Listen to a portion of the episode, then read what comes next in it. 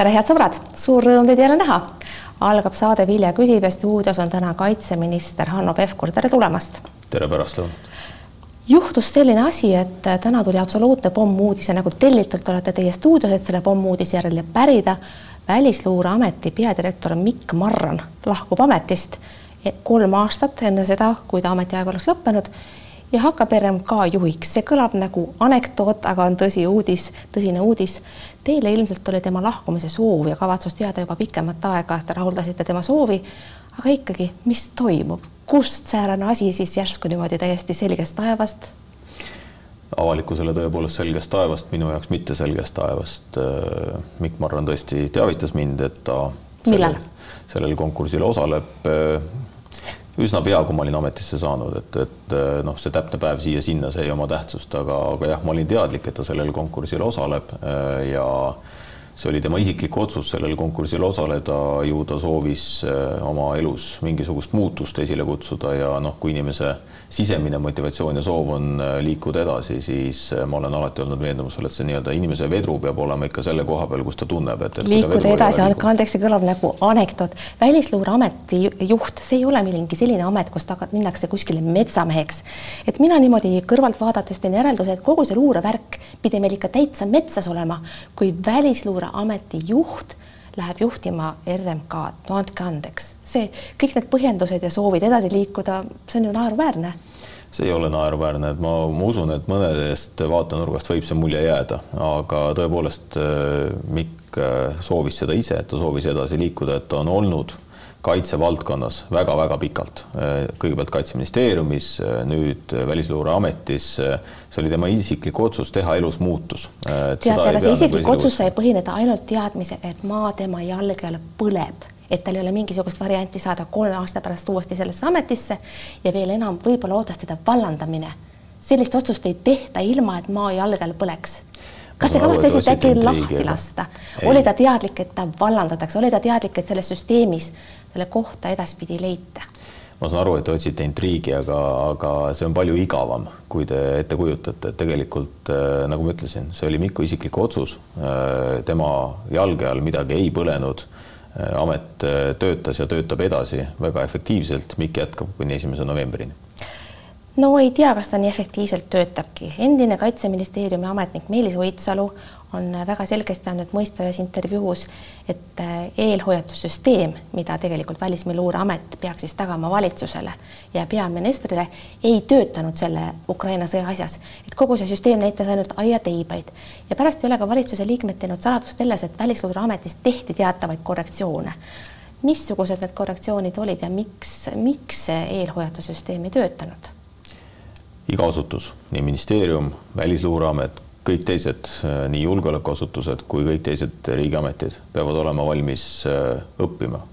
ja kui äh, me saame targemaks, siis tuleb sellest teha omad järeldused, kui me vaatame praegu Ukraina sõja puhkemist, siis valdav enamus kõikidest luureasutustest, eelhoiatus, eelhoiatusasutustest ei osanud seda nii-öelda reaalset rünnakut väga pikalt ette näha. ja ma arvan, juhitav Välisluureamet samuti mitte.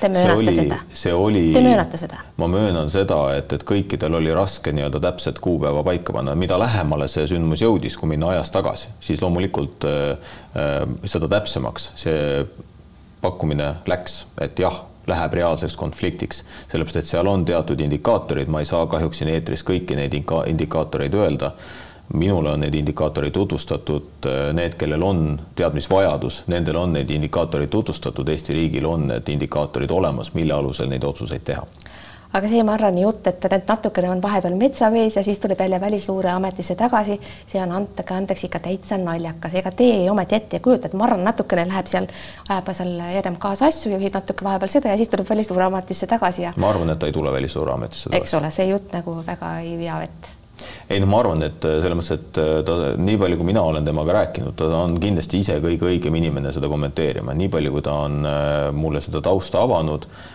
tema soov oli teha elus muutus. Ma saan aru, me ei saa täna teada, mis selle muutuse soovi tõeline põhjus on, aga seda saab ainult Mikk Marrani käest küsida, minu, minul tõesti ei ole võimalust ega, ega oskust inimeste pähe nii palju näha. hästi Hanno Pevkur, kas äh, Kaitsevägi saab nüüd oma orkestri jälle tagasi, sellesama, mis Kalle Laajaneti kärbetega tõttu pidi siis tegevuse lõpetama või vähemasti ei saa jätkata Kaitseväe koosseisus? orkester töötab Eesti Sõjamuuseumi koosseisus ja, ja saab aga kenasti hakkama. aga mitte, mitte Kaitseväe orkestrina enam sellises mõttes, ehk tal pole sõjaülesandeid nii nagu näiteks Ukraina kaitsevägedel, kes äh, siis tegelikult kogu aeg äh, osalevad selles protsessis Eesti Kaitseväe ülesanne on Eesti rahvast ja riiki kaitsta. Ja me oleme põhimõtteliselt võtnud selle suuna, et iga euro, mis kaitsevaldkonda tuleb, peab minema Eesti kaitsesse ja kaitsevõime tugevdamisesse ja sellest tulebki lähtuda, et äh, kui on vaja orkestriteenust, siis äh, nagu ma ütlesin, ka Sõjamuuseum on Eesti Kaitseministeeriumi valitsemisalas ja, ja toimetab äh, kenasti, nii et saavad hakkama. ei ole, ei ole vaja selle pärast muretseda. et ei ole plaanis, no ma lihtsalt mõtlesin, et äkki teie kui muusikaliselt andekas inimene, me nägime alles hiljuti teie südantsoojendavat etteastet saates Maskis laulja, kus te laulsite ukraina keeles ja tõepoolest see tuli teil väga toredasti välja. ma mõtlesin, et võib-olla siis sellel muusik muusikalisel tajul äh, on olemas ka sellega kaasneb teatav mõistmine, et sõjalises olukorras ka see sisemine jõud võiks kuidagi tulla muusikast ja et just Kaitsevägi päriselt vajabki orkestrit. ehk teie kui muusikaliselt andekas inimene, selles me võisime kõik hiljaaegu veenduda, võib-olla teete mõned teised otsused küll annate omal ajal, aga mitte ärge muretsege, kui on vaja ka muusikat rindele, siis see muusika rindele tuleb. esmases järjekorras me ikkagi vastutame selle eest, et need sõjalised kaitsevõimed, mis meil olemas riigis peavad olema, need on olemas. aga ma olen ka veendunud selles, et Eesti riigi kaitsetahe ja kaitsevõime ei ole ainult äh, orkestris, vaid on ikkagi paljuski muus, aga veel kord, kui orkester ja muusika peab olema rindel, siis see muusika rindel on. Hästi, kes sellega vaidleks? muide, seesama Laanet, Kalle Laanet pidi teie pärast oma kohast loobuma selleks, et teie saaksite valitsusse ja natukene jäi see segaseks, et talle ju otseselt midagi ette ei heidetud ja see toimus sellise rotatsiooni korras, et teil oli vaja uut kohta valitsuses ja tema jäigi nüüd nagu kõrvale. et kas Kalle Laanet sellepärast kuidagi solvunud ei ole, mina tema asemel küll oleksin, sest ta oli ju ikkagi täitsa okei okay, minister, ta ei teinud midagi valesti ja siis tuuakse järsku Pevkur sinna asemele. miks nii?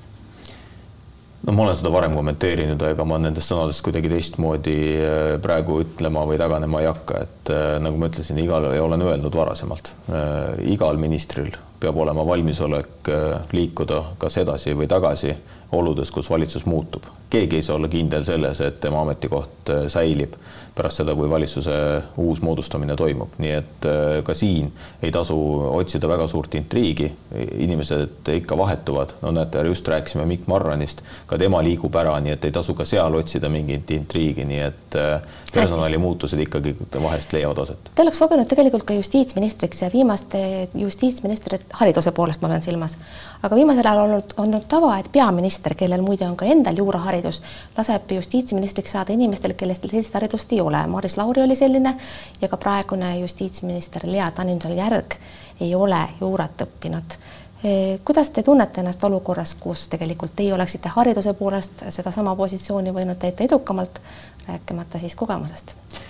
vaadake, ministrite valikul on ikkagi jäme ots erakondade esimeestel ja kõigepealt tuleb ikkagi kokku leppida valitsuspartnerite vahel, millised portfellid kellelegi saavad.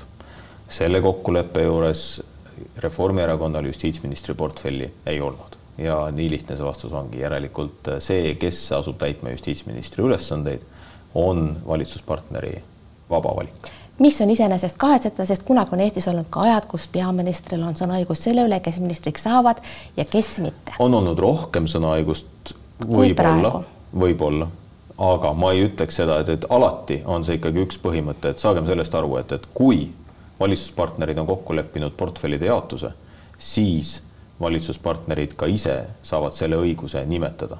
jah, kui võtta tavaline nii-öelda valitsuse moodustamine, siis on see pikem periood ja siis on rahulikumalt veel läks lõputumalt aega, aga see ei, selleks. ma räägin sellest, kui on juba portfellid kokku lepitud, et siis antakse natukene aega ka arutada seda, kes on need kandidaadid, aga nüüd tõesti see aga nüüd on nii, et võta või jäta. Läks väga kiireks. nüüd on nii, et võta või jäta, aga see selleks, tahaks rääkida sõjast Ukrainas, mis on tegelikult meie saate põhiteema. me lugesime Soome meediast, et Eesti ja Soome ühendavad oma raketikaitset, mis on iseenesest täiesti loogiline samm, kui Soome astub NATO-sse. missuguseid koostööplaane meil on Soomega veel? küsimus on lai, aga palun konkreetne lühike vastus ja konkreetsed on see, et kõigepealt me leppisime kolleeg kaitseministriga kokku selle, et, et Soome peab saama NATO liikmeks siis meil on kindlasti, mis puudutab kaldakaitset, ranniku ja kaldakaitset ehk seesama nii-öelda rannikukaitsesüsteemide integratsioon, samamoodi meie siis pildi jagamine, mis, mis on äärmiselt oluline selleks, et äh, see oleks võimalik äh, operatiivotsuseid langetada. Äh, ja loomulikult ka ühised õppused, nii et neid tegevusi tegelikult noh, on veel, aga võib-olla ma need kolm asja tooksin välja. väga hea Ukrainas toimuvat jälgides tekib küsimus, et kas meie panus ja lääneriikide panus üldse on piisav. Ukraina eelarve on üheksa miljardiga miinuses ja kui tuua siia võrdluseks Eesti riigi eelarve suurus, siis suurusjärk on täiesti võrreldav, eks ole. meil on kolmteist miljardit, et põhimõtteliselt, kui me annaksime kogu riigieelarve ära, siis sellest piisaks hädapäraste aukude lappimiseks, aga mitte sõja võitmiseks. me oleme teinud Ukraina heaks palju, mida me teeme praegu, mida me saame veel teha või oleme me olukorras, kus me oleme andnud rohkem, kui me suudame? muidugi me saame veel teha ja me peamegi tegema, et see sõda, mida Ukraina seal oma kodus peab, see on tegelikult vaba maailma sõda Putini diktatuurse režiimi vastu. ja, ja tegelikult see, mida me ka nüüd loodetavasti kas sellel nädalal või, või järgmisel nädalal valitsuses arutame, ma loodan sellel nädalal, on uus Ukraina abipakett mis, äh, mis on ka siis nii-öelda sõjalise abi komponentidega.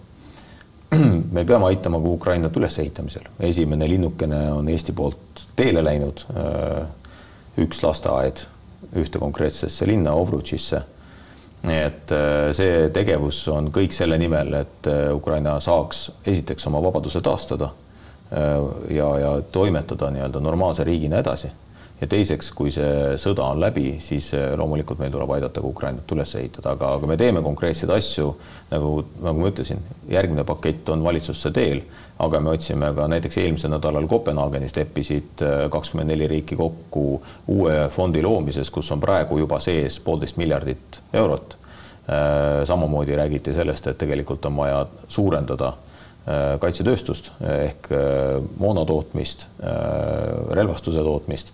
nii et see on kõik see, mida Euroopa täna teeb selle nimel, et Ukraina vabana sellest sõjast väljuks palju meie enda õhutõrje maksma läheb, ma saan aru, seda summat ei ole veel välja käidud, aga kuna see tuleb minu rahakotist, maksumaksja rahakotist, siis ma ikkagi tahaksin teada, et kui suur see summa on? ja ma saan öelda seda, et see küündib sadadesse miljonitesse, et kui Vabariigi Valitsus on võtnud vastu otsuse, millise mudeli me valime, sest et meil on seal ka esiteks on palju pakkujaid, meil on umbes kuus-seitse äh, tegijat turul, kes oleksid suutelised meile seda pakkuma. teiseks äh, sellise süsteemi ostmisel, kuna ta on nii kallis, siis me peame eeldama seda, et äh, summa välja öeldes pakkujatel tekib kohe indikatsioon, et palju küsida võib. ja meil on soov tegelikult saada ikkagi parim süsteem parima hinna eest ja seetõttu tegelikult nii-öelda täpseid summasid ma ei tahaks praegu ja öelda. Nagu kolm aastat. paraku see nii on, sellepärast et ainuüksi juba väljaõpe süsteemide loomine või nii-öelda ehitamine ja, ja siia tarnimine, et, et see kõik võtab aega, nii et jah, praegu me liigume taktiliselt aastaks kaks tuhat kakskümmend viis oleks Eestil õhukaitsesüsteem olemas loodetavasti pole siis liiga hilja. paar sõna Amnesty Internationalist, mis on saanud tohutult kriitikat selle eest, et nad andsid justkui ohvrile Äh, mõista, Ukrainale siis mõista, nagu oleksid nemad sooritanud kuidagi võrreldavaid sõra, sõjakuritegusid Venemaaga ja kohe hakkasid ka levima jutud, et see organisatsioon on venelaste poolt rahastatud või siis vähemasti mõjutatud. missugune on teie hinnang sellele kõnealusele raportile ja see kriitikale selle suhtes? ma arvan, et äh, kõik, kes soovivad öelda ükskõik mida äh, Ukrainas toimuva kohta, peaksid Ukrainas ära käima Teie olete käinud? mina olen käinud, ma olen neid koledusi kõiki näinud koha peal oma silmaga. olles ka rääkinud ukrainlastega väga palju, siis iga ukrainlase lugu, mida ma sealt olen kuulnud, on nii karm. ja, ja, ja noh, kui, kui sa kuuled lugu noorelt politseinikult, naisterahvalt, kelle isa lastakse lihtsalt maha sellepärast, et tema isa oli invaliid ja ta keeldus oma invaliidi autot ära andmast Vene sõjaväelastele, siis eh, noh, rääkida siin eh, mingisugustest või, või, või minna näiteks Butša kiriku hoovi, kuhu maeti massihauda nelikümmend eh, ukrainlast ja vaadata seda kõike seal, siis, siis me saame aru, et tegelikult see, mis on Ukrainas toime pandud, see, millest on räägitud, on ainult jääpea või selline vee, vee, jäämäe veepealne osa. aga küsimus iseenesest käis Amnesty kohta ja selle raporti kohta no vaadake, ma ei ole seda raportit äh, lugenud ja ma ei tahaks hinnata e-, enne, kui ma ei ole seda lõpuni läbi lugenud. Äh, siis ma saan öelda oma arvamuse, aga, aga küll ma saan öelda seda, et, et see, mida ma nägin Ukrainas, siis seal ma nägin ikkagi neid äh, sõjakuritegusid, mida on toime pannud Vene relvajõud paar sõna Kaitseliidust ja selle iseseisvusest. Kalle Laanetit hakati kritiseerima tugevasti selle eest, et ta justkui tahaks Kaitseliidu iseseisvust kärpida. Ja üks, üks neid, kes kõige kõvemini karjus, oli praegune minister Lauri Läänemets, kes kinnitas mulle siin paar nädalat tagasi selles samas stuudios, et Pevkur midagi säärast küll ei tee. Tookord siis Laanet ise on jällegi siinsamas selgitanud, et jutt käis ühistest hangetest, mitte Kaitseliidu iseseisvuse kärpimisest mis siis selle Kaitseliiduga on, mida Laanet tegi ja mida teie ei tee? no alustame sellest, et äh, ma hea meelega kutsuks, kasutaks seda eetrivõimalust ka, kutsuks inimesi liituma Kaitseliiduga, et äh, vaatame. Teie ise olete liitunud? mina ise ei ole liitunud äh, täiesti teadlikult praegu, aga meil on juttu olnud sellest, et ma võiksin olla Kaitseliidu toetajaliige ma ei saa välistada, et ma ühel päeval Kaitseliiduga liitun, ma olen seda ka varem välja öelnud, äh, aga praegusel ajahetkel ma pean keskenduma sellele tööle, mis ma teen, just et ka Kaitseliidu liikmeks olemine tähendab, et sa võtad endale kohustuse Kaitseliidu tegevusse igapäevaselt panustada. hästi, aga tuleme tagasi küsimuse juurde. tuleme tagasi selle juurde, siis tõepoolest äh, esiteks see, mida me Kaitseliiduga teeme, on see, et me oleme kokku leppinud, et Kaitseliidu nii-öelda väeüksuse osa või ütleme, maakaitse osa, maakaitse osa suureneb kaks korda ehk üheksa poole tuhande võitleja pealt kahekümne tuhande võitleja peale. teiseks, mis me oleme kokku leppinud selles, et tõepoolest Kaitseliidu roll Eesti kaitsestruktuuris on see, et, et nad on osa Eesti nii-öelda, kui me võtame nagu hästi lihtsalt öeldes, et meil on kaks brigaadi.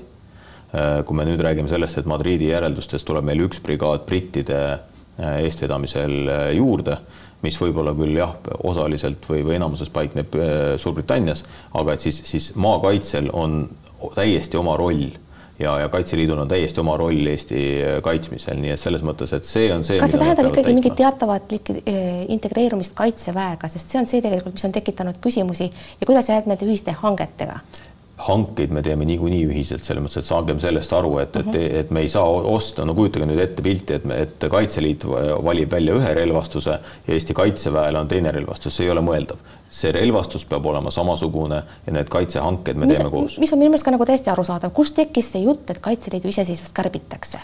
No see jutt, ma arvan, tekkis sellest, et äh, seal on äh, nii-öelda mõistete paljususes, et noh, et mida tähendab konsolideerimine, eks ju, et kas, kas see, et, et teatud teenused konsolideerida ja kus, kus ka Kaitsevägi või ka Kaitseministeerium saaks olla toeks Kaitseliidule, kui ma vaatan Kaitseliidu rahastamise kasvu, siis see on pidevalt olnud äh, kenas tõusutrendis ja, ja keegi ei hakka ju rääkima sellest, et, et noh, kui Kaitseliidul on vaja seal, ma ei tea, Hiiumaa äh,, Hiiumaal on, soovivad kaitseliitlased võtta ühe bussi, eks ju, et, et siis seda hakatakse Kaitseministeeriumist tegema, ei kaugel sellest. aga, aga paljuski on jah küsimus selles, et milliseid hankeid me saame koos teha, kus on see efektiivsus suurem, sellepärast et veel kord, see, mida me ju kaitse äh,, kaitseministeeriumis otsime, on see, et iga euro, mis me kaitsesse panustame, oleks maksimaalselt efektiivselt kasutatud. Te ütlesite, et plaanite võib-olla Kaitseliitu astumist. siia kohta sobiks väga hästi nüüd üks vaataja küsimus, mis kõlab niimoodi. kas te olete ise relva käes hoidnud? korduvalt loomulikult kasutanud, nii et selles mõttes ei ole vaja muretseda. oleks siis, oli see siis ajateenistuse raames või missugustes kontekstides? Äh, no ma olen olnud ka siseminister ja loomulikult ma olen. Äh, siseministril oli relvaluba, saan ma niimoodi õigesti aru? Äh, küsimus ei ole selles, et siseministrina relvaluba, vaid, vaid, vaid selles, et tõepoolest, kui ma ametist siseministeeriumis lahkusin, siis oli see Politsei- ja Piirivalveameti poolne nii-öelda lahkumiskingitus, mis on traditsioon, et lahkuvale siseministrile kingitakse relv ja, ja teil on, teil on kingituseks saadud relv ja ka relvaluba, ma eeldan siis, sest ega niisama ju ei saa kinkida. jah, vastab tõele. ja see relv asub teil kodus? See relv ei asu mul kodus. kus ta siis asub? seda ma ei ütle teile, kus see relv asub, aga ma saan teile kinnitada, et see mul kodus ei asu. Äh, aga veel kord, et äh, relvadega kokkupuudet on piisavalt, ei ole vaja muretseda mina nii väga ei muretsegi, küll ainult sellepärast, et lugejad ja kuulajad ja vaatajad saaksid vastused küsimustele ja see oli üks huvitavamaid küsimusi. Tahaksin järele jäänud saateminutite jooksul natukene rääkida teiega ka minevikust. Te olete olnud erakonna esimees. Te olite Reformierakonna juht enne seda, kui Kaja Kallas Reformierakonna juhiks tuli ja lõpuks siis ka valituks sai. ja mulle tundub see lugu tagantjärele vaates mõnevõrra arusaamatu, nagu ta oli ka siis. tegelikult te ei teinud ju nii-öelda erakonna esimehena midagi valesti, aga ometi tekkis selline olukord, kus teie erakonnakaaslased hakkasid teid süüdistama ja, ja ka teie ise äh, sattusite kuidagi sellisesse meeleheitlikku seisundisse, kirjutasite avalikke kirju. noh, lõpuks valiti Kaja Kallas ära, aga sellele eelnes periood, kus teie olite veel erakonna juht, aga kõiki asju küsisite juba Kaja Kallase käest, te nagu muutusite noh, ma ei tea, olite veel erakonna esimees, aga just nagu surnud mees juba, kedagi ei huvitanud enam, mis see Pevkur arvab. miks see tookord niimoodi inetuks läks? vaadake, hea liidri omadus on ka see, et äh, aru saada, millal peab äh, tegema tee vabaks kellelegi järgmisele. ja selleks, et meeskond oleks tugev ja Reformierakond äh, saab olla tugev ainult siis, kui Reformierakond on üks tervik. sellel hetkel lihtsalt asjaolud kujunesid niimoodi, et ma nägin erakonna juhina, et järgmistele valimistele minnes minu vedamisel ei pruugi olla erakonnas sees ühte löögirusikat. aga see... miks, miks te kaotasite toetust?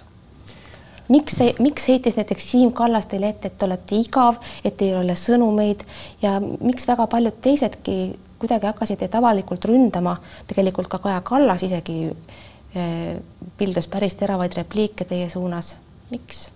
no ma saan aru, et ajaloos on ära alati hästi põnev sorida, aga noh, tegelikult veel kord, eks, et eks me vaatame seda olukorda ju tegelikult, vaadake nüüd, kuidas Reformierakonna juhid on eh, valitud ja, ja siis, kui mind Reformierakonna juhiks valiti, äh, küll tõsi, väga suure ülekaaluga, äh, siis äh, see oli esimest korda, kus oli kaks kandidaati.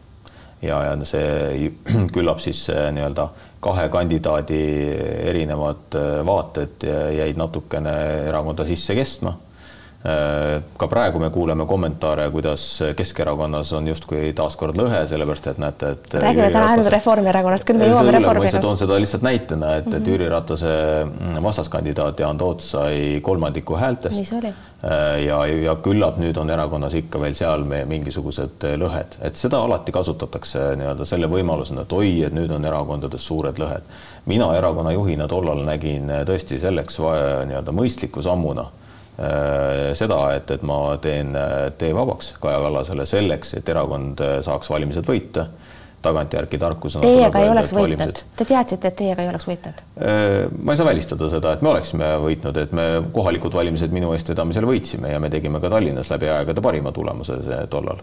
ja seetõttu ma arvan, et ei ole ka midagi ette heita sellele, nendele valimistele, kus mina viisin erakonna kohalikele valimistele.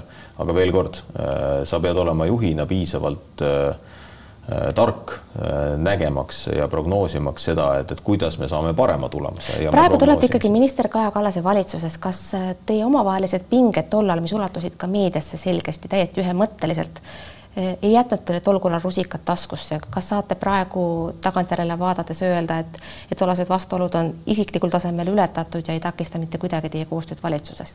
Ei olnud ka tollal mingisuguseid suuri vastuolusid, ei tasu sealt otsida, et äh, ma olen oma loomult üsna rahumeelne ja, ja selles mõttes äh, kui äh, meeskond näeb, et, et minnakse ühtemoodi edasi ja kõik sellesse panustavad, siis ei ole probleemi. ei olnud mul ka probleemi erakonna esimehe koha pealt ära tulla. nagu veel kord ma ütlesin, et kui sa, kui sa ei ole valmis, kui sa oled kramplikult, hoiad igast nii-öelda toolist kinni, siis, siis sul väga pikka pidu ei ole, et, et ei tasu seda arvata Hanno Pevkur, kõige lõpetuseks, see ei ole küll otseselt teie haldusala, aga loomulikult puudutab see kogu valitsust, on see Narva tanki teema, mis kerib praegu pöördeid järjest juurde ja vahepeal tekkinud selline patiseisu lahendus äh, paistab minema vett vedama. missugused äh, otsused on praegu valitsuses langetatud no, tark tanki äraviimise kohta, millal see toimub ja kuhu ta pannakse? No seis on ju väga värske, et ma olen öelnud seda varem välja, ma ütlen ka siin täna välja, et minu hinnangul äh, Narva tank ei pea olema avalikus ruumis. Äh, ja, ja noh, vaatame, mis need järgmised päevad toovad, et tegelikult oli ju lootus tänasele päevale, et Narva linnavolikogu aga need äh, ootused purunesid ja noh, siseminister on siin juba oma kommentaari andnud. et kahekümnendaks peab olema läinud, aga kuulge, see on ju paari päeva pärast, teil peab olema mingi plaan juba ju olemas valitsuses kui täna Narvast otsust ei tulnud, siis ma olen üsna veendunud, et lähiajal valitsus selle teema uuesti lauale võtab. uuesti lauale võtab, aga kuhu viib ja millal täpselt? erinevad plaanid loomulikult on olemas Hanno Pevkur, ma tänan teid südamest selle jutuajamise eest, head sõbrad, aitäh, et te vaatasite. teine saade on järgmisel nädalal, vaadake ikka siis ka, vahepeal olge terved, elage hästi, kuulmiseni ja nägemiseni